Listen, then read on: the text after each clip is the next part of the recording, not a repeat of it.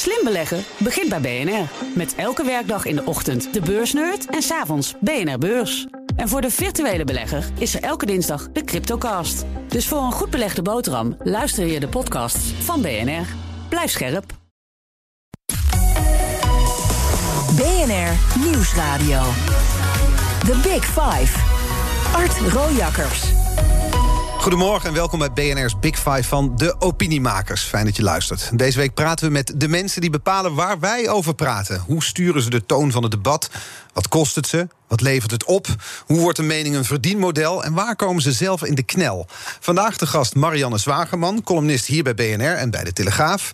Um, ik wil, ja, eigenlijk willen wij een uur lang over Bruce Springsteen ja, praten. Hè? dat was mij beloofd. Ja, eigenlijk. nou dat gaan we dan toch niet doen. Terwijl het misschien wel een heel vrolijk uur zal opleveren. Dat doen we een andere keer op BNR. Uh, we gaan het hebben over opiniemakers. Je komt uitgebreid aan het woord, maar we beginnen met drie stellingen waar je alleen met ja of nee op mag antwoorden. Maar die heb jij een beetje gepikt van Sven Kokkelman, toch? Of niet? Ja, is ja, dat, is, moet je niet iets zelf voorbeeld. iets verzinnen? Is nee, dat niet leuk? vinden we niet. Nee, het is een hommage aan Sven Kokkelman. Ja, oké. Okay, okay. Ik nou, ben een fan visionair. van Sven, hoor. Dus, uh, ik ben een visionair. Enorm, ja.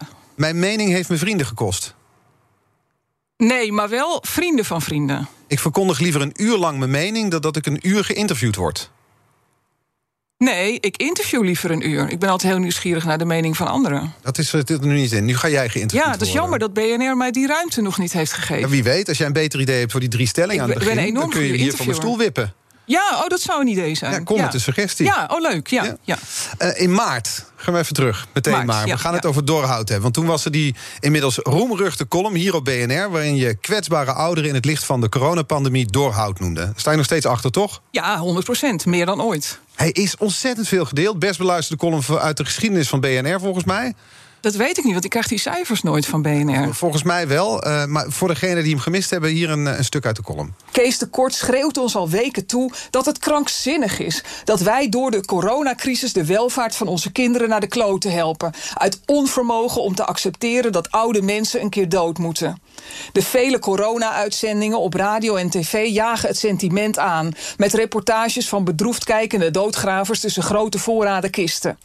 Terwijl corona best eerlijk te werk gaat. De cijs, om in Kees de Kort termen te blijven, gaat vooral door het dorre hout. De leeftijd van de slachtoffers is hoog. Ja, en daar viel hij. En toen kwamen alle reacties. Had je er vooraf re- rekening mee gehouden? Nou, kijk, wat er dan gebeurt, hè, dat is dat ook, wat ook jammer is, is dat jij deze week Kees de Kort hier niet hebt zitten. Want als er nou één eh, opiniemaker is waar ik echt de rode loper voor uitleg, dan is het Kees. En ik noemde hem ook in mijn column. Hij is echt de allereerste in Nederland die eh, met een gestrekt been de andere kant op durfde te lopen in de hele discussie. En dit was in, in maart. En nu zie je inmiddels, hè, zat net ook weer in het nieuwsoverzicht. eh, Hugo de Jonge heeft dit geheim gehouden en dat achtergehouden. En je Het gaat ziet dan nu. over het vaccin, hè? Ja, maar je ziet nu dus langzamerhand de kritische stemmen over het coronabeleid. Die, die krijgen wat meer de ruimte nu. En meer mensen durven nu ook iets te zeggen. Maar de Kees was de eerste die al iets durfde te zeggen. toen iedereen nog gevangen in zijn reptiele brein. eh, stil in huis zat te wachten tot het over was. durfde Kees hier op zender al te schreeuwen. En wat Kees daarmee deed. was hetzelfde wat, wat Pim Fortuyn vroeger deed. toen die nog column schreef in, in, in Elsevier. Eh, die verslond ik altijd. En dan zat ik altijd zo met, met, met van die gespannen schouders. Dat je denkt, oh, dit mag je toch niet zeggen. En, en dat heb ik bij Kees eh, dus, dus ook af en toe. En had je dat ook bij jezelf toen je die term doorhoudt... of die, die hele column dacht je... oh, dit mag ik misschien eigenlijk niet zeggen, maar ik ga het wel doen? Nou, maar het belangrijke is dus... daarmee heeft Pim Fortuyn heeft dus het pad geëffend... voor de tegengeluiden eh, in, in zijn tijd. Kees heeft heel erg het pad geëffend als eerste voor het tegengeluid in, uh, in de coronacrisis. En omdat hij het pad effende, durfde ik te zeggen wat ik al dacht. En, uh, en omdat ik dat durfde te zeggen, en ik heb een groter bereik op sociale media dan Kees. Dus daardoor ging hij harder vliegen. Dus mensen zijn Kees ook een beetje vergeten. Er wordt al steeds gezegd, ja, Marianne Zwageman en Jort Kelder. Kees zit dan niet in het rijtje, terwijl Kees de eerste was. En de maar meest is- consistente. hij is dus nu bij, tien keer bij, de- genoemd. bij deze ge- Ja. gerehabiliteerd. Um, maar, Maar jij spreekt dan die- maar die column het- uit, hè, heeft- toch naar Ja, maar ik wil even toch het punt maken. Het heeft dus de functie dat je het pad effent voor mensen die minder moedig zijn. En dat Dus is ook jouw rol daarin. dat is de rol die Kees voor mij had. En die ik weer had voor mensen achter mij. En mensen die mij vervolgens mijn column weer gingen delen. Die konden weer de mensen in hun bubbel op sociale media daarin meekrijgen. En dan krijg je een beweging op gang. Maar dan krijg je ook een tegenbeweging op gang. Want Hugo de Jonge, je noemde hem al, zelfs Hugo de Jonge was er niet over te spreken, die column. Er waren veel mensen die zeiden, dat kan niet, dit gaat te ver. Ja, Hou je daar rekening mee op het moment dat je zo'n column uitspreekt? Nee, natuurlijk niet, want er zijn heel veel meer mensen het enorm daarmee eens. Dus uh, ik, weet je dat? Ik, ik, sta donderdag bijvoorbeeld voor een hele grote groep artsen. Die hebben een bijscholingsdag. Daar mag ik de hele ochtend een workshop geven. Dan krijgen ze dus ook gewoon opleidingspunten voor om naar mij te luisteren. Um, je zegt het enigszins verbaasd. Nou nee, ik zeg dat met enige trots. Omdat ik hier dan een beetje word neergezet als... ja, god, die mevrouw, die, die, die, die kles maar wat. Nee. Door wie word je zo neergezet? Ik, ik, heb juist ook uit het... Oh, oh, oh. door wie word je zo neergezet, die mevrouw nou, maar wat? Net ook in het voorgesprekje met Bas... wordt toch een beetje zo van... ja, dus als ze dan wel spijt van hebben. Nee, ik kwam Bas hier tegen Bas van Werven... die had het over de Free the People die nu gaat op Instagram. Maar hoezo zou ik spijt hebben van een, van een column... die zoveel impact heeft gehad... en die juist ook vanuit het medische vakgebied... heb ik zoveel bij bijval gekregen. Want artsen. Uh, als wij een arts als uh, minister van Volksgezondheid gehad zouden hebben, zou waarschijnlijk de hele crisis anders aangepakt zijn. Want juist artsen weten ook uh, dat, het, dat het nou eenmaal om leven en dood gaat. En dat mensen nou eenmaal doodgaan. En die hebben daar elke dag mee te maken. Die gaan daar veel rationeler mee om. Um, dus die zouden niet zo in die massahysterie zijn. Maar toch even terug naar het zinnetje wat je zegt: die mevrouw zegt maar wat. Heb je het gevoel dat mensen zo naar jou kijken? Nou, zo wordt, het zo wordt volgens mij ook deze uh, themaweek een beetje geframed. Dat was natuurlijk ook gisteren in jouw gesprek met Marcel van Roosmalen. Die was hier natuurlijk naartoe gelokt uh, dat het om de week van de columnisten zou gaan. En dan verwacht je dus de top van de columnisten van Nederland. Zoals het gisteren week uh, was het de week van. vorige week was de week van de CEO's. -hmm. Dan verwacht je dat Marjan van Loner zit. En, en, en de nou, directeur van Schiphol was ook zo. Maar nu heb je natuurlijk niet de top van de columnisten zitten. Omdat jij hier zit, bedoel je? Nee, je hebt een mevrouw zitten die is volgens mij zangeres. Ik ben wel eens bij haar beentje wezen kijken. Die is volgens mij helemaal geen columnist. Stella Bergsma bedoel je, die zit hier vrijdag. Die is toch geen columnist? Ze is, ze is opiniemaker, want het is de week van de opiniemakers. Nou ja, goed, maar volgens mij is zij zangeres. Ze, waar, waar maakt zij opinie maar, ja, Als zangeres mag je geen opinie nou, hebben? Nee, maar ik, ik, Wat ben jij dan? Ik ben columnist en schrijver. Dat is een beroep? Dat is een beroep. Ja, en dan mag je hier zitten deze week, maar als je zangeres bent, niet? Nee, maar het gaat dus om. Uh, je, je, hebt de week, je hebt niet een week met, met de top van, van, uh, uh, van de columnisten van we Nederland. We hebben een week die misschien met mensen die jou misschien niet allemaal aanstaan. Dat betekent nee, nee, niet dat nee, niet de nee, maar, nou, nou, maar leg eens uit waarom jullie die keuzes hebben gemaakt. Ik ga de niet mijn gastenbeleid aan jou uitleggen. Nee, nee, nee, maar meer voor de luisteraars, dat die het ook begrijpen. Want... Volgens mij doen we dat elke dag als luisteraars. Ja? Elke dag naar BNR's Big Five luisteren. Dan horen ja? ze waarom die mensen hier zitten. Elke dag voeren, proberen we een interessant gesprek te voeren. Zo ook met jou.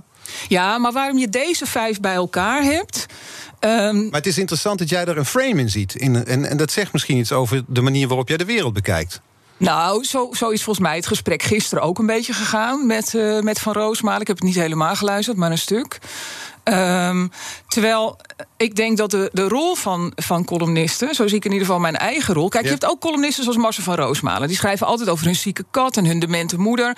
Dat is ook een genre. Hè? Uh, Sylvia Witteman is de koningin van dat genre. Huistuin- en keukencolumns. Het boeit mij persoonlijk niet, maar er is een markt voor. Nou, dit, hè, dus huistuin- en keukencolumns. Uh, en dan heb je nog al die vrouwenbladen, columnisten. Die schrijven altijd over hun gebroken harten en dat ze op Tinder zitten. Dat is ook een genre. En ik zit in dat genre van het bespreken van de actualiteit.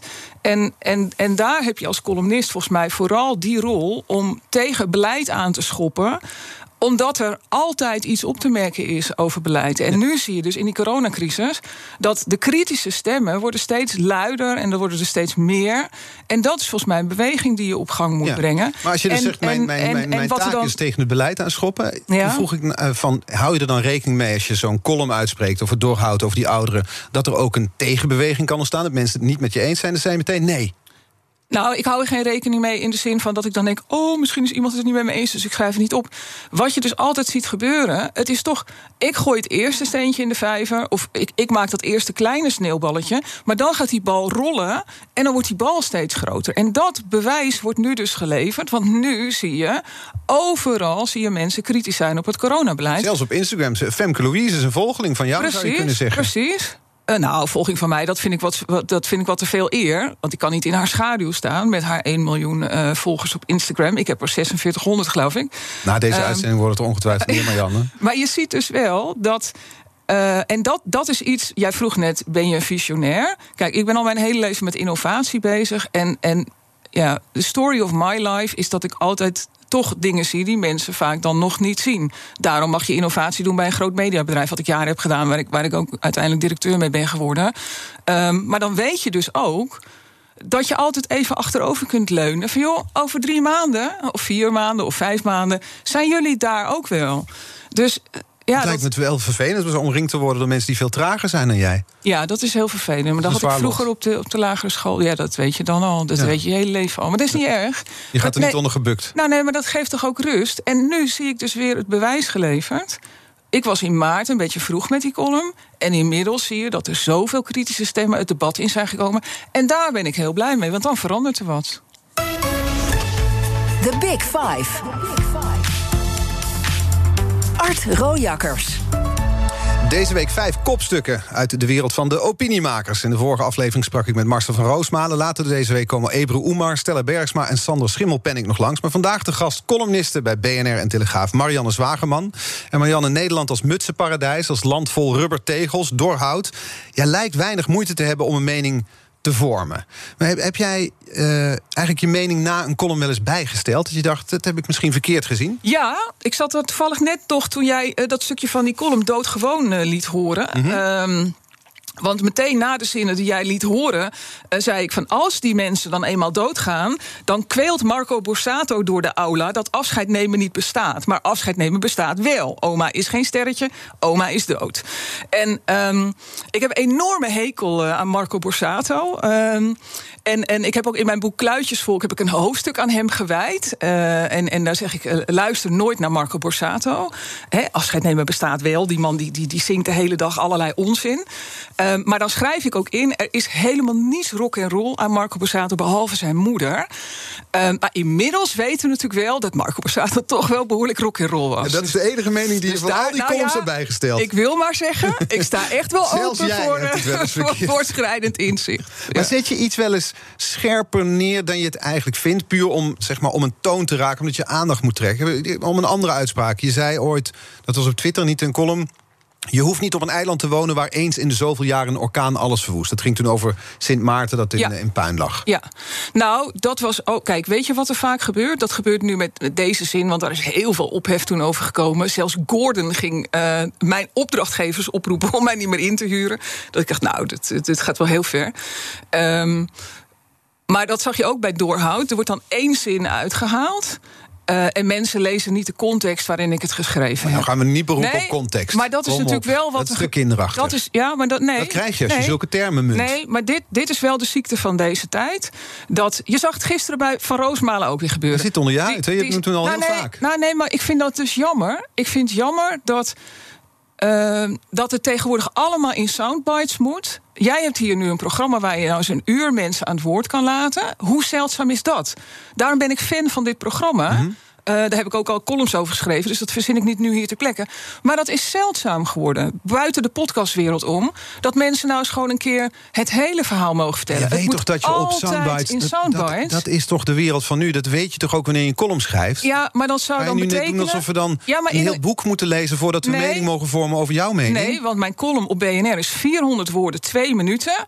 Als je niet de moeite wil doen om die twee minuten even aan te horen. Hou dan gewoon je bek om met Rutte maar te dit, spreken. Dit was een tweet. Dit was niet meer nee, dan dat. Dit was een draadje van tweets. Mm -hmm. Waarin ik uitlegde. Ik had toen net een programma bij WNL gemaakt over het klimaatbeleid. Waar ik toen drie, vier jaar geleden ook al heel kritisch op was. Zie hetzelfde gebeuren. Hè? Iedereen weet nu dat biomassa niet zo'n goed idee was. Toen ik dat vier jaar geleden zei. Oh, Je liep voor de troepen uit. Um, en en ik, wat ik, de bal die ik daar probeerde op te werpen is... je kunt op twee manieren naar het klimaat kijken. Ofwel het is iets waar wij in al, al onze arrogantie denken... dat wij de thermostaat van de aarde kunnen bedienen... wat een absurde gedachte is. Of je accepteert dat het een gegeven is en je pas je aan. En dan kun je dus uh, naar een scenario gaan waar je zegt... oké, okay, als de zeespiegel stijgt, wat kunnen we dan doen? Dan kan je eigenlijk drie dingen doen. Of je bouwt dijken, hè? hoe hoog moet je gaan? Maar nu ga je het punt eraan. Ik, wat de Nee, vraag het- was... het- nee, maar het ik, gaat ik wil terug naar de om- vraag. Die was of je het meer aanzet dan je vindt. En nee. het antwoord is dus nee. Nee, natuurlijk niet. Want het namelijk, en dat vind ik dus het jammere van die soundbite-wereld waarin wij leven. Want de discussie die ik probeerde op te werpen, in plaats van alles wat we nu doen met windmolens en zonnepanelen, wat sowieso goed is om naar een andere energievoorziening te gaan, kunnen we ook kijken, kunnen we de mensen niet daar gaan huisvesten waar je over 100 jaar nog veilig kunt wonen? Wij bouwen nu vandaag nog gewoon in deze rivierdelta waar we wonen, huizen op de plekken waarvan je vrijwel zeker kunt weten dat je er over, nou ja, weet ik veel, 500 jaar niet meer kunt wonen. Uh, dus, dus je kunt ook een andere discussie voeren. Waarom gaan we niet de mensen langzamerhand Daar weghalen. naar de plekken op aarde verhuizen waar het wel Maar veilig zo is? verwoord je je- De zin die je schrijft. Die Ja, maar dat is nee, één zin nu- in een Nu wil ik betoog. even wat vragen. In een Die- betoog. ja, nee, maar die zin. Die roept aandacht. Dat doe je ook bewust, neem ik aan. Want je wil ook dat mensen je horen, lezen, dat ze je mening. Nee, ik wil duidelijk over- zijn. Ik wil duidelijk zijn. Die, ene zin, zin, die zin die zorgt er dus voor dat wat jij nu zegt, dat je Ja. in de soundbite-wereld komt. Dat mensen denken, die, die zwagerman. Wat roept ze nou? Jouw vrienden Nee. van Geen Stijl reageerden zo. Voor zichzelf respecterende media. Je hoeft er niet elke keer in te tuinen als Marianne Zwageman weer lekker iets controversieels roept om het merk Marianne Zwageman onder de aandacht te houden. Snap je dat punt? Dus Nou, met andere nee, maar jij woorden, dat je. het om. Kijk, nee, wat wij- ik bedoel wij- is, je zin is zo fel dat je Ja? dat genuanceerde verhaal wat eronder ligt, wat je nu probeert te brengen, dat je dat misschien kwijt kan raken. Ja, maar kijk, er zijn in het begin van de coronacrisis heel veel genuanceerde columns geschreven. Maar hebben wij het daar nu nog over in september? Nee, dus het is een bewuste keuze, toch? Nou ja, kijk, maar jij draait het nu om. Wij leven, tot mijn verdriet, in een soundbite-wereld. Ik bedoel, mijn volgende afspraak straks is bij mijn uitgever... waar ik net 100.000 woorden naartoe heb gestuurd voor mijn volgende boek. Doe je daar een plezier mee? Dus ik bedoel, 100.000 ik ben woorden? enorm van het lang, lang dingen uitleggen. Mhm. Maar we leven helaas in een wereld waar alles in soundbites moet. En dat Ik is dan pas- toch ook een verdienmodel? ik pas mij daar aan. Ik? Dat is mijn- precies mijn pleidooi. Ik pas mij aan aan die wereld. En ik ben toevallig ook goed in soundbites maken, omdat ik al zo lang twitter. Want daar word je gewoon heel goed in soundbites maken. Dus ik ben toevallig ook goed in. Dus dan, dan, dan, dan, dan, hè, dan, dan versterken die twee dingen elkaar. Maar ik vind het ook verdrietig. Ik zou willen dat, eh, dat, dat je gewoon ook ruimte krijgt, zoals in dit programma, om wat langer je punt te maken. Want bijna niks is zo overzichtelijk dat het in één zin uitgelegd kan En worden. toch zijn het die, die zinnen waar jij zelf zegt, daar ben ik goed in. Die zinnen die je scherp aanzet, die Ja. zorgen dat jij bent wie je bent. Dat je je beroep kan uitoefenen op de manier die je wil uitoefenen. Nou, dat, dat zorgt ervoor dat ik. eh, Dat is je verdienmodel. Daar is jouw, nou, jouw dat- carrière nou, op gebouwd nu. Nou, nee, dat is helemaal niet mijn verdienmodel. Mijn carrière is gebouwd in eerste instantie op, op grote bedrijven aansturen. En toen ik dat door ziekte niet meer kon, ben ik wat anders gaan doen. Maar ik sta bijvoorbeeld donderdag de hele ochtend tegen een groep artsen aan te Ja, dat praten. zei je. Eh, en en dat, dat is mijn businessmodel. Dat, dat, ik, ik geef workshops, ik geef Het lezingen. risico zit hem erin, in die toon. Hè? Want jij zegt, we leven in een soundbite-wereld. Het Ja. risico zit er natuurlijk in dat als je iets zo scherp aanzet... dat mensen de onderliggende boodschap dus kwijtraken. Dat ze die niet horen. Nou, maar dat risico zit erin. Maar het risico als je het niet scherp aanzet, is dat helemaal niemand ooit jouw column gaat lezen. Dus dan gebeurt er helemaal niks. En nu sta ik donderdag voor die groep artsen, omdat ze mijn column hebben gehoord, er discussie is geweest. En ze hebben gedacht: wow, maar dat is interessant. Laten we Marianne uitnodigen om ons mee te helpen denken over hoe kunnen wij als artsen meer ons stempel drukken op het beleid. Want uiteindelijk moeten artsen dit oplossen. En, en, niet, en niet, ja, zeg ik altijd, ik noem altijd Hugo Bloemschoen natuurlijk, eh, de om, Hugo de om- Jonge. omhooggevallen eh, basisschoolleraar. Die gaat dit niet oplossen. Artsen gaan dit oplossen. Hij kwam nu een paar keer voorbij, Marcel van Roosmalen, die hier gisteren was. Ja, Eh, hij heeft een kettingvraag voor je, die krijg je later nog. Maar ze had, Ja? ze had één ding over de doorhoud-uitspraak, eh, had Marcel, die, die ik je voor wil leggen. Luister maar. Ze heeft het debat helemaal geen richting willen geven. Ze heeft zichzelf op de kaart willen zetten door iets chockerends te roepen. En in mijn ogen is er niks makkelijkers dan dat. Dat sluit eigenlijk aan bij het punt dat we nu aan het bespreken zijn. Hij zegt, ja, ze wil alleen maar iets chockerends roepen. Ze wil helemaal niet het debat richting geven. Het is eigenlijk heel makkelijk wat ze doet. nou, maar Marcel zei gisteren ook eh, dat ik het eh, lef had om mijzelf eh, met Piet Grijs te vergelijken. Ja, dat had hij verkeerd, hè? Nou ja, Dat was je- Efimenko, Ja, toch? misschien mag ik toch dat punt even maken. Want hij zei het hier gisteren op zender... dat ik mijzelf zou vergelijken met Piet Grijs... Hè, de schuilnaam van eh, Hugo Brandt Korstius. Ehm, terwijl wat er daadwerkelijk gebeurde... is dat er afgelopen zaterdag in Trouw... in de column van Sylvain Efimenko... misschien wel de beste columnist van Nederland... die ik overigens vorig jaar de hele zomer mocht vervangen in Trouw... Ehm, die schreef zaterdag in zijn column dat mijn doorhoudcolumn... eh, ik moet het even letterlijk zeggen... sinds de aanvallen van stukjeschrijver Piet Grijs op professor Buikhuis in de jaren 70, heeft een column nog nooit voor zoveel beroering gezorgd als die van Zwagerman dit jaar. Ja, met andere woorden, het waren zijn woorden, niet die van jou. Dat had Marcel Roosmalen dus, gisteren verkeerd. Maar hier zie je dus wat er gebeurt. Dus de beste columnist van Nederland vergelijkt mij met de beste columnist aller tijden. Maar dan wordt het hier op zender eventjes gezegd van... ja, die mevrouw vergelijkt zichzelf het is bij deze recht gezet. Maar het punt ja, maar, van... ja, maar dit is ook wat er gebeurt. Hè?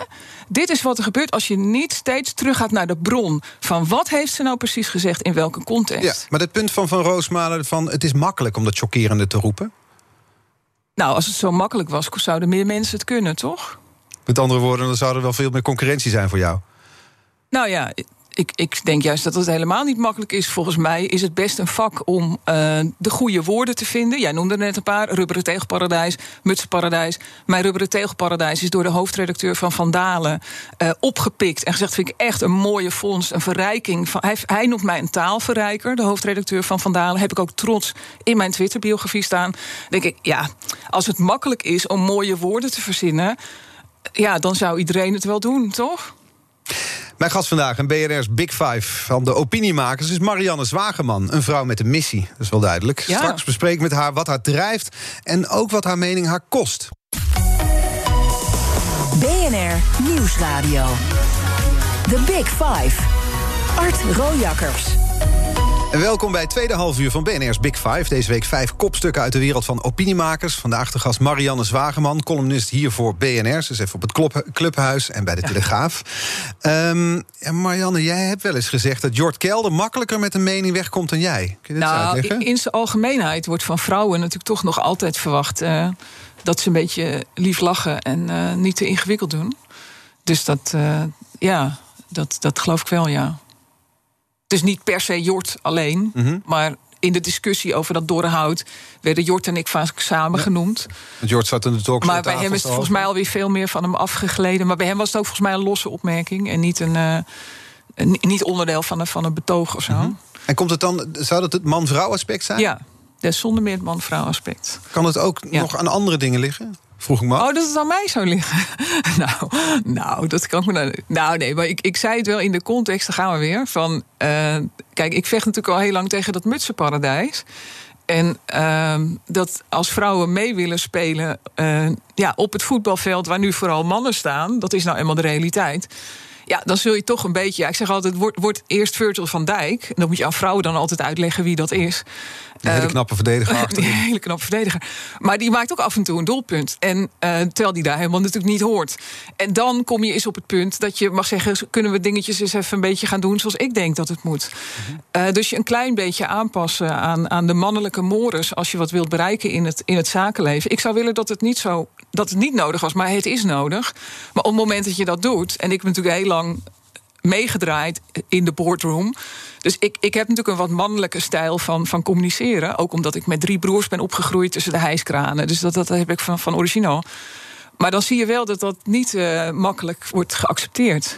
Dus een, een, die, manier van communiceren bedoel je? Want ja. Jort Kelder heeft natuurlijk een wat ironische stijl... waardoor alles misschien wat ook gematigder overkomt. Jij gaat er met gestrekt been in. Misschien ja. komt zo'n boodschap dan ook harder over? Nou, dat, dat zou, dat, dat, iedereen heeft zijn eigen stijl daarin. Maar het ging, het ging mij meer over van... van, van tegenstand op dan de andere misschien? Ja, dat kan. Ik, ik, ik kan me best voorstellen dat ik meer tegenstand uh, opwek, ja. En waar, dat zit hem dan dus niet alleen in het vrouw zijn... maar waar zit hem dat nog meer in? Nou, ik heb wel een beetje een verbeterstijl. Dus, dus Allard Kalf zegt bijvoorbeeld altijd tegen mij... probeer er nou ook een beetje bij te lachen. Dat probeer ik dan nu weer. Allard luistert ongetwijfeld, want die luistert altijd naar BNR. Maar, um, Wat zou dat voor verschil maken als je een beetje bij lacht? Nou, maar, ja, en tegelijkertijd verzet ik me daar dan tegen. Want dat is toch weer, de vrouwtjes moeten een beetje uh, lachen. En uh, er wordt natuurlijk sowieso ook van, van... Ja, dat vind ik het mooie van BNR. Er zitten hier heel vaak vrouwen die, die iets voorstellen in het, uh, in het zakenleven. Maar ik zit dan ook wel eens te luisteren naar zaken doen. Dan is, is de, de, de co-host is bijna altijd een vrouw, hè, of de sidekick of uh, mm -hmm. de zaken, zakenpartner. En ik zit dan ook als luisteraar dan wel eens. Ik denk, nou, het is ook vaak wel. Vrouwen, ja, we hebben een hogere stem. En het, het is toch vaak ook. Ja. Zelfs ik als vrouw, die dan promoot dat vrouwen op het podium moeten stappen. denk dan ook wel eens: uh, kan het even een tandje, tandje minder. Ja, vrouwen worden toch wel snel haaibaaien. Ik ook, ik ben ook een haaibaai. Maar als, alsof jij, als je man was, niet een verbeterde stijl had gehad. Jawel, maar dan wordt van Johan Derks en zo wordt dat dan toch meer, ja, toch meer geaccepteerd. Johan Derksen zit ook, eh, net als Jort Kelder, wat meer achterover. Die zie ik in een soort sigarenrook zo wat meningen debiteren. Jort Kelder met die licht ironische blik van hem erbij. En bij jou komt het Ja, ja. bloedserieus over. Je Mag ik, mag ik trouwens voor. nog even, niet, niet om van het onderwerp af te gaan... maar net tijdens dat nieuwsoverzicht werd dat afscheid van Pia Dijkstra genoemd. Dat is nou, jij vroeg net van, heb je wel eens ergens spijt van? Toen ik vanochtend, zij staat in de Volkskrant vandaag... nou, werkelijk in een beel- beeldige jurk heeft ze aan. een soort tijger-outfit. En die vrouw blijkt 65 te zijn, maar ziet eruit als 35. Nou ja, een voorbeeldvrouw. En ik heb haar ongelooflijk hard aangepakt in columns. Maar echt, echt bij de enkels af. En zij, zij zegt dus vooral in dat Volkskrant-interview... dat ze ook heel veel last heeft gehad van alle hele harde kritiek... die ze altijd heeft gekregen. Ze had het over jou misschien wel. Nou, dat, dat, dat, dat weet ik dan niet. Maar het eerste wat ik vanochtend deed... want ik las dat interview toen ik nog in bed lag... Is, heb ik wel mijn columns over haar opnieuw gelezen. Van, zou ik dan met de kennis van nu... dat zij in haar afscheidsinterview zegt... dat ze echt last heeft gehad van al die kritiek... zou ik het dan anders opgeschreven? En het antwoord is? Ja, toch niet, helaas. Ja, sorry. Ik heb... Ja, ja ik, ik vind toch... Ja. Dit voelt nu als een trap na. Dan Ja, ga je nou eerst ja. helemaal ophemelen... en daarna zeg je, nou, neem geen woord ervan dan, terug. dan- nou ja, jij vroeg dat zo van, heb je wel eens ergens Dit is spijt iemand door de nooduitgang naar buiten schoppen. nou, nee, maar ik zou toch nog steeds. Want zij gaat zelf ook, ook, ook best natuurlijk toch heftiger in. Wel met een andere stijl. Maar zij Sorry, zegt. maar ik vind de stijl van Pia Dijkstra niet te vergelijken met die van Nee, jou. maar tegelijkertijd zegt ze gewoon wel tegen mensen: jouw leven is wel, wel een beetje voorbij nu. Hè? Ze zegt Vanuit een politieke overtuiging zegt ze, je hebt, je liever, hebt maar- zelfbeschikkingsrecht. Dus, eh, eh, nou ja, goed. Maar, maar het, is juist, eh, het is juist andersom. Ik merk dus juist de laatste jaren wordt het natuurlijk toch steeds minder geaccepteerd om, om, om voluit je mening te geven. Hè. Vrijheid van meningsuiting heb ik denk hier al, al 50 columns over geschreven. Eh, de zorgen die ik daarover heb. Dus ik moet juist altijd oppassen. Ik had bijvoorbeeld gisteren mijn column al klaar. Dat was best een brave column over dat nu ook de kranten in Friesland weer zijn Ja, overgenomen door Belgen. en dit en dat ja, weer zo'n column dat ik dacht, ja, ja, ja. Eh, prima, degelijk verhaal, maar, maar... En toen zag ik net die, die hashtag trending worden met eh, ik doe niet meer mee. En toen heb ik mijn column weggegooid, ben ik opnieuw begonnen. Dus ik moet zelf altijd oppassen. En ik denk dat meer columnisten daar last van hebben de laatste jaren. Dat je niet toch jezelf gaat censureren. Ik had het bijvoorbeeld in mijn... Dat doe, te- je, dat doe je als je niet uitkijkt natuurlijk wel. Want je zit veel op Ja. social media. Je zit op Twitter, je zit op Ja. LinkedIn. Dat zijn Ja. platforms die met name vanuit invloeden vanuit Amerika... steeds kritischer zijn. Mhm. wat er bij hen verschijnt. Er verschijnen eh, waarschuwingen bij tweets van president Trump. Hele accounts worden verwijderd zelfs. Heb jij er ook last van? Eh, nou, ik heb er nog geen last van in de zin van. Nou, laatst is wel mijn account een, eh, een paar uur van Twitter weg geweest. Eh, dus ik kreeg van mensen meldingen: hey, van je account is weg. Maar ja, of dat een, een hack is geweest of iets anders, dat, dat weet ik eigenlijk tot de dag van vandaag niet. Maar let jij op wat, met wat je zegt, Nou- bijvoorbeeld op LinkedIn. Dat is een belangrijk platform voor jou. Kijk, sowieso. Als ik mijn BNR-column, die, die plug ik 's ochtends op al mijn platforms. En op Facebook zet ik er ander tekstje bij dan op LinkedIn. Maar Ja? wat, ja, natuurlijk, want ik spreek andere doelgroepen Oké, maar niet vanwege de inhoud. Nee, maar meer van ik praat daar tegen zakelijke mensen. Dus dan haal ik meer de zakelijke aspecten eruit. Maar ik moet wel oppassen. Ik heb bijvoorbeeld ook een column in die doorhoudperiode... een column in de Telegraaf geschreven... waar ik de mensen die op de IC lagen... die, die noemde ik gestrande walvissen. Ehm, want dat beeld kwam in mij op. Hè? Je zag toen in het journaal zag je al, die, al die mensen op de IC liggen. Ga er nou bij lachen, En, en, nou nee, maar ja, het was... Ja, Wel, je gaat er wel bij lachen. Nou ja, ik, ja, ik lag niet over de mensen op de IC, maar ik had dat beeld daar meteen bij. Die walvissen. Ja, toch. Van, ik heb ehm, soms ook wel een beeld. Dan denk ik, nou, sommige dingen hou ik bij mezelf. Ja, nou En jij de- denkt dan, ik deel het. Nou ja, dus dat zei mijn man ook. Die zei: Moet je nou echt over die mensen. eh, hij heeft gezondheidswetenschappen gestudeerd. Hij zegt: Moet je nou echt. Moet je die mensen nou gestrande walvissen noemen in je column? En dat was toen ook in die tijd dat, dat dokter Diederik eh, die hele discussie opwierp. van nou, die mensen zijn ook allemaal echt eh, ja, morbide obese. Hè? Diederik Gommers En, bedoel je? eh, Diederik Gommers. En ehm, nou, dus to- toen had ik mijn column geschreven met dat woord gestrande walvis erin. Ehm, en die column ging over: zorg nou goed voor je, voor je eigen lijf. Want anders eindig je als een gestrande walvis op de IC. En, en, en toen zei mijn man: ja, dat, kan je toch niet zeggen zo? Net zoals jij nu zegt: nou, moet je daar nou om lachen? Nee, natuurlijk moet ik niet lachen om die mensen. Maar dat, dat plaatje daarbij in mijn hoofd, daar moet ik dan om lachen. Eh, omdat ik dan, Dus dan altijd... zegt je man dat en denk je dan, ik ga eens naar hem luisteren. Ja, dus ik had dat eruit gehaald. En ehm, voordat ik mijn column naar de Telegraaf stuur... lees ik hem nog altijd even één keer heel eh, hardop voor... dat ik zeker weet dat, dat ik geen kromme zinnen heb gemaakt. En toen dacht ik bij mezelf: wat ben je toch ook gewoon een laffe, laffe muts? Dat je dat eruit hebt gehaald. Last van muts? Ja, dus ik heb dat er weer terug ingezet. Dat ik dacht, ja, ik, ik moet niet. Ja, Waarom ben je laffe muts als je dat eruit haalt? nou, omdat ik dan toch mijn oren laat hangen naar. eh, ja, maar je, nou, nou, precies wat jij nu ook doet. Van, ja, maar je mag toch niet lachen om mensen die op de IC dood liggen te gaan. Nee, natuurlijk lach ik daar niet om. Maar ik, ik, ik vind het toch het plaatje van. Eh, ik heb dan meteen die emoji erbij. Van, ik, die gebruik ik ook heel vaak. Van die walvis die zo'n zo'n spuitje uit zijn hoofd heeft. eh, die, die op WhatsApp en Twitter. heel graag weten wat voor situaties, maar daar gaat te veel tijd kosten. Nou ja, goed, maar dan. dan ik, ik, ik vind dat dan op zich een mooi beeld. Ik zie dat voor mij. En ik, ik vind het op zich ook een lollig tekstje dan van mezelf. Maar die durf ik dan dus bijna niet te maken. Omdat je ik doet dan, het uiteindelijk toch. Ik doe het uiteindelijk toch. Dus het is bij mij meer. eigenlijk om jezelf te, te laten zien, ik ben geen laffe muts. Nou ja, ik wil bij mezelf blijven. Ik wil niet mijzelf gaan censureren, omdat de buitenwereld misschien gekwetst gaat zijn. En daar had ik vijf, zes jaar geleden. Eh, nou, minder last van is ook niet helemaal waar. Want ik, ik schreef toen ook een keer een column over bejaarde mensen. Toen al. Waar ik ook, ook heel veel eh, gedoe mee heb gehad. Ja. Maar het is interessant hè, dat je dus zegt, ik, ik doe dat, want ik, ik twijfel er ergens wel over... maar ik doe het toch omdat ik mezelf niet wil censureren. Dat Ja. is een centraal woord in die Ja, zin. dus dat wordt steeds het belangrijker. gaat om censuur. Je ziet het echt als censuur, dat je sommige dingen... Zelfcensuur. waarvan je denkt, nou, misschien is dat niet zo smaakvol, dat doe ik niet. Nou, maar dat is dus heel grappig, want dat vind ik een andere taak van, van, van mij als columnist. Maar zouden meer columnisten, denk ik, als taak moeten zien.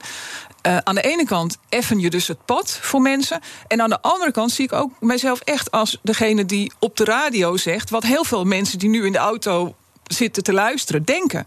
En daar zit een enorme kloof natuurlijk tussen wat er aan de talkshowtafels wordt verteld. en wat mensen gewoon thuis op de bank tegen elkaar zeggen. Dat is Dus natuurlijk jij ook, het, ook succes heel- van een Johan Derksen Ja. bijvoorbeeld, die ook gewoon zegt wat die mensen die op de Ja. bank zitten denken. Dus. Ik weet dat heel veel mensen dat op dat moment dachten. Van ja, die liggen daar ook als een gestrande walvis op de IC. Laat het dan niet zo ver komen. En dan denk je, dan kan ik het ook wel zeggen. Dan kan ik het ook wel Nou, dan vind ik ook dat je ook, ook de taal van de straat de media in moet brengen. Dat, dat vind ik wel een belangrijke eh, opdracht aan mijzelf. We gaan zo meteen nog verder praten, Marianne Ja, Zwageman. Thomas is binnengekomen. Ja, precies. BNR Nieuwsradio.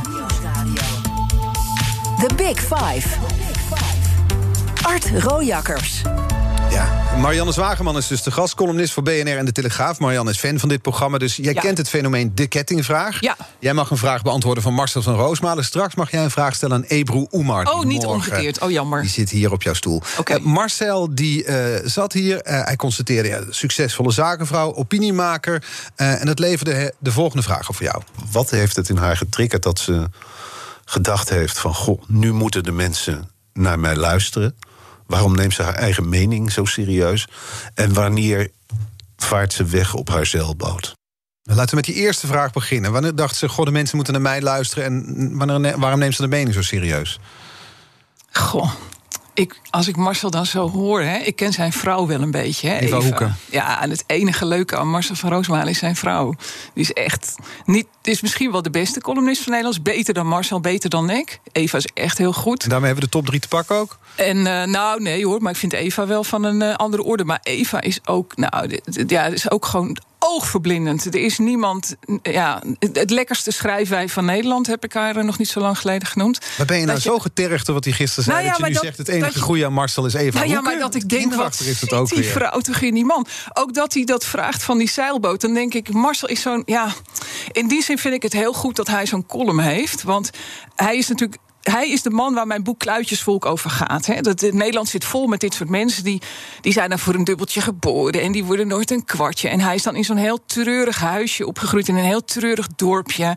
En nu woont hij zelf in een heel treurig dorpje. In een heel treurig huisje. Omdat hij dan denkt dat er voor hem niks beters is.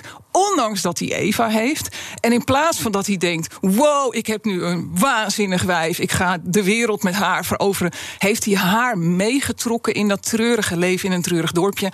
En dan denkt hij dus vanuit zijn treurige huisje in een treurig dorpje: oh, mensen met hun zeilboot, die dit of dat. Terwijl mijn zeilboot is gewoon een geïntegreerd onderdeel van mijn fijne leven. Ik schrijf mijn columns op mijn zeilboot. Ik heb mijn romanleven als Jarmoed op mijn zeilboot. Niet op mijn eigen nog steeds zeilboot, maar anders op zeilboot. vraag gegeven. Wat was de vraag ook weer? Ja, of wanneer ik met die zeilboot wegging. Dat is het en ik, maar een ik zit heel. Ik een leef op die, ik leef op Je die zeilboot. niet- je luistert niet naar vragen. Ik leef op die zeilboot. Ik ga daar niet mee weg. De ik vraag leef was, daar. waarom moeten mensen naar mij luisteren? Waarom neemt zij haar mening zo serieus? Dat was de vraag Nou, van ik Marcel. heb best wel vaak gelijk. Dus Er zijn wel meer mensen die vaak gelijk hebben. nou, dan hoop ik, dat die hun mening gelijk. ook serieus nemen. Dan het is toch gek als je je mening niet serieus neemt als je er goed over nagedacht hebt. maar de vraag daarvoor was: waarom moeten mensen naar mij luisteren? Wanneer, wanneer dacht jij, er is iets in jou getriggerd dat je dacht, mensen moeten naar mij luisteren? Nou, de, die George Freulich vroeg op een dag of ik een column het wilde op BNR. ja. Toen dacht ik, nou, dat wil ik wel hoor, prima. Ja. Het is allemaal een George Freudig te danken. nou, nee, maar ik bedoel, het werd mij aangeboden. Ja, maar vaak, het, het komt ergens vandaan. Is er iets misgegaan in je jeugd? Wat, wat is er gebeurd? Dat ik mensen wil helpen de hele tijd. Nou, ik ben een enorme helper. Ja, dat klopt. Dat heb ik van mijn vader. Ehm, dus, dus ik wil altijd mensen helpen oversteken, ook als ze niet naar de overkant willen. Dat is wel een beetje een valkuil. Eh, dus ik, Je ik, trekt ze naar de overkant. Ja, dat, dat gebeurt wel eens. Ja. Dan sta ik aan de overkant met zo iemand en die zegt dan: maar ik wou eigenlijk liever daar, ik wou in mijn treurige huisje in Wormerveer blijven. Dan denk ik, oh, oké, ik kan me dat dan niet voorstellen. Dan denk ik, ja, die mensen zijn er dan ook. Ja, want hij vroeg van, ze was toch eerst zakenvrouw en waarom is ze dan nu columns gaan schrijven of zo? Ja, nou, wat is de trigger geweest dat ze dacht... Dat is natuurlijk interessant. De vraag, Ja. Hij stelt hem op zijn manier, maar de vraag is eigenlijk... Wat is er, welk moment, misschien was er een moment... of wat Ja. is er gebeurd dat je dacht... nee, maar ik heb iets te verkondigen. Ik loop voor Ja. de troepen uit. Ik zie dingen eerder, moment, ja. eerder dan anderen. Ja. Ik ga mijn mening verkondigen. Nou, dat moment is er wel degelijk geweest. Dat was 4 mei 2009. Want ehm, daarvoor kon ik dat altijd heel erg kwijt in het bedrijf waar ik werkte. En kon ik dat bedrijf op sleeptouw nemen. Ik zat in de directie van de holding van de Telegraaf Mediagroep. Dus ik, ik kon richting geven aan dat bedrijf. En dan kon ik ook tegen mensen zeggen wat ze moesten doen. En die gingen dat dan ook doen, want ik was de baas. En toen werd ik ziek. En toen kon ik of de via in en de rest van mijn leven in een treurig huisje in Wormerveer wonen. En, en, en column schrijven over hoe akelig het leven is. Of ik dacht, kan ik een manier vinden, ondanks mijn, mijn arbeidshandicap om al die kennis die ik heb en die visie die ik heb, toch aan de mensen over te brengen. En toen ben ik gaan schrijven. Dus ja, en dan kan je zeggen, nou, die mevrouw die vindt zichzelf, dat zie ik dan nu op Twitter, van oh, hooghartige mevrouw die zichzelf heel geweldig vindt. Want je zit Ik bedoel, Twitter tijdens deze uitzending nou, net tijdens de, tijdens, de, tijdens de commercials. Trouwens, fijn dat die er weer zijn, commercials. Dat de reclameinkomsten weer terugkomen. Maar ehm, dan denk Dat ik, ja, maar je hoeft, weet je, je hoeft niet naar mijn columns te Dat luisteren. was 4 mei hoeft niet. 2009. Ja, 4 mei 2000. Dat, dat was de dag dat de dokter zei: je wordt nooit meer beter. En toen zei ze bij de Telegraaf: maar als statutair directeur kan je niet ziek zijn, dus dan gaan wij je afscheid van jou nemen. Mhm. Nou, toen dacht ik: ik kan nu twee dingen doen. Of ik, ik, ik vraag een uitkering aan of zo. Hoe weet ik veel wat mensen dan doen als ze, als ze nooit meer beter worden. Of ik ga kijken hoe ik mijn talenten op een andere manier kan benutten. Wat, wat heb je voor ziekte? Eh, ik heb de ziekte van Meniere. En toen ben ik Wat dus. is dat precies? Eh, dat is een, eh, een, een ziekte aan het evenwichtssysteem. waardoor ik altijd zeeziek en duizelig en misselijk ben en omval. Ik ga niks zeggen over die zeilboot nu, maar dan. Dat nou, het dat grappige is inderdaad. arbeidsongeschikt bent. Ja, wel voor de functie die ik had in elk geval. Want ik, ik ben ongeveer drie dagen per week. Ja, niet echt in staat om te functioneren, behalve schrijven. Dat lukt altijd. Dus heel veel van mijn columns, hoop ik altijd dat de mensen hier het niet horen, die heb ik geschreven en opgenomen terwijl ik doodziek ben op dat moment. Maar twee minuten in een microfoon brullen, dat lukt altijd nog wel. Het lukt dan net? Of Ik heb er een paar bij die, eh, die zijn echt eh, tegen de klippen op eh, gelukt, ja. Want dan is hij uitgesproken en dan? Ga je dan? Moet je op de bank liggen van bed? Of hoe ziet Nou, de rest meestal van de dag lig ik. ja, ik wil niet alles onthullen aan de luisteraar, maar Oh, waarom meestal lig ik dan al in bed als ik hem opneem. Maar daar is het geluid ook heel goed in mijn slaapkamer. Dus eh, meestal Dan ligt je column dan in te spreken en bent eigenlijk te ziek om dat te doen. Ja, ja, ja, ja dan, dan ligt echt mijn laptop en mijn microfoon naast me en val ik meteen weer in slaap. Dat komt er regelmatig voor, ja. Nou, Dat is dus een prijs die je betaalt. Nee, dat is, nee, dat is niet een prijs die ik betaal. Ik heb nou eenmaal die ziekte. Maar ik was 39 toen die dokter tegen mij zei: Je wordt niet meer beter. En ik dus mijn baan als, als holdingdirecteur bij de Telegraaf kwijtraakte. Ja, dat is een beetje te jong om eh, als een doorhoutje te gaan leven. Dus ik heb nu een levensinvulling gevonden, gelukkig. Die, eh, ja, waarmee ik om mijn handicap heen toch zo goed mogelijk mijn werk kan doen. En ik kan dus vier dagen per week wel goed functioneren. Uh, dus het lukt mij ook om lezingen te geven, workshops te geven. Dat doe ik veel. Strategieklussen bij klanten. Ik ben nu bij een automotive klant bezig. Kijken hoe kunnen we daar met, met, met de dealerkorps dingen gaan doen. En dus dan functioneer je wel en die andere dagen. Maar ik weet dan dus wel, als ik. Uh, ik heb nu drie hele drukke dagen achter elkaar ingepland. Dat kon niet anders, want ik heb vijf weken in schrijflockdown gezeten. Dus ik moet nu wat dingen inhalen. Maar ik weet eigenlijk dat dat niet gaat. Dus dan heb ik ook een hotel geboekt. Want ik zit in, in Hengelo of zo donderdag. Uh, dan weet ik dat ik niet meer naar huis kan rijden daarna. Dus, uh, dus daar moet ik altijd een beetje rekening mee houden. Dat is niet erg, is niet zielig, maar ik moet gewoon dat een beetje plannen zo. Maar als je nou vraagt, wat is nou de reden geweest dat je het roer om hebt gegooid, dan is het dat ik chronisch ziek ben geworden. Ja. Die meningen die jij verkondigt sindsdien, sinds 4 mei 2009, ja. uh, die, die hebben je geen vrienden gekost aan het begin van de uitzending, maar wel vrienden van vrienden. Ja. Heeft het je wel eens in een lastig pakket gebracht? Dus je het hebt over mensen of over situaties van mensen in jouw omgeving? Nou, kijk, het is dan zo dat bijvoorbeeld een hele goede vriend van mij... die viert dan zijn verjaardag en die zegt... maar, maar mijn moeder komt niet als jij er bent. maar ik ken die mevrouw helemaal niet. Dus dan denk ik dat die moeder wil niet komen vanwege jouw meningen? Ja, dat is dan toch gek. Je kent mij helemaal niet. Maar dan wil je niet komen omdat je mij op mijn werk beoordeelt. Dat vind ik altijd een beetje raar.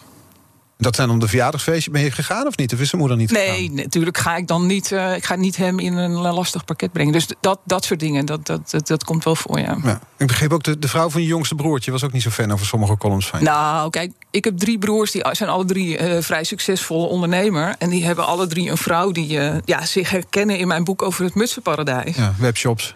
ja, nou, dat hebben ze volgens mij niet eens. Hm. En ja, die, vinden dat dan, die voelen zich dan aangesproken. Dus dan is er een ijzige stilte tijdens het kerstdiner? Nou, er zijn geen kerstdiners in onze familie. Wij Door die columns? Nou, nee, wij zijn ook atheïstisch, dus wij doen niet aan kerst. Nee. Maar de bijeenkomst, hoe zien die eruit? We vieren ook geen Chanukka of hoe dat heet. Ook geen suikerfeest. Nee. nee. de, de familiebijeenkomsten die er wel zijn, in wat voor sfeer verlopen die? Nou, kijk, ik ben opgegroeid in een familiebedrijf. En, en, en twee van mijn broers zijn in het familiebedrijf gegaan. En, en een andere broer en ik niet. Dus het is sowieso al, zonder advocaten kunnen wij niet samenkomen. Dat is in heel veel familiebedrijven zo. Die dat, dat hangt niet aan mij. Nee. Ik ben nog de minste polariserende in de club. Oh, dan ben ik wel heel benieuwd naar de rest van de familie te zijn. Dan zou ik toch wel een keer een kerstdiner bij de familie Zwageman nee, nou, willen dat is het dan dus niet. Nee, nee. op aarde daar. ja. uh, die kettingvraag, die mag jij dus stellen aan Ebru ja. Oemar... die hier morgen aanschuift. Wat zou je haar willen vragen? Nou, ik, ik heb een tijdje, uh, ben ik wel redelijk... Uh, nou, bevriend is een wat groot woord hoor... maar ik ben wel eens bij Ebru thuis geweest... toen ze nog in, in Amsterdam woonde. En ik, ik ben haar eerlijk gezegd een beetje uit het oog verloren. Dus ik, ik weet ook niet zo goed wat ze nu doet en hoe het met haar gaat.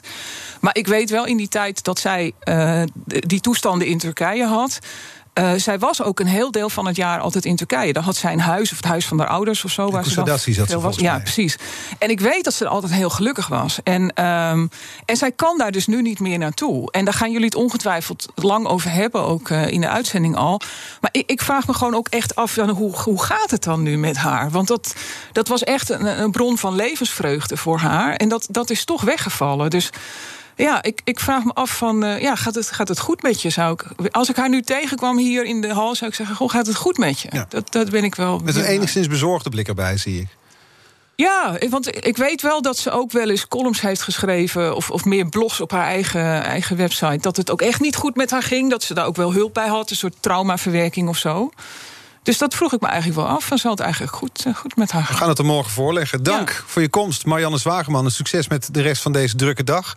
Eh, deze aflevering is net als alle andere afleveringen van BNR's Big Five terug te luisteren. De podcast is te vinden in de BNR-app en op bnr.nl.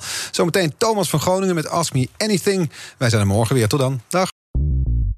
Bij BNR ben je altijd als eerste op de hoogte van het laatste nieuws. Luister dagelijks live via internet. Bas van Werven. En heel langzaam komt de zon op rond dit tijdstip. Je krijgt inzicht in de dag die komt op BNR, het Binnenhof in Nederland en de rest van de wereld. De Ochtendspits. Voor de beste start van je werkdag. Blijf scherp en mis niets.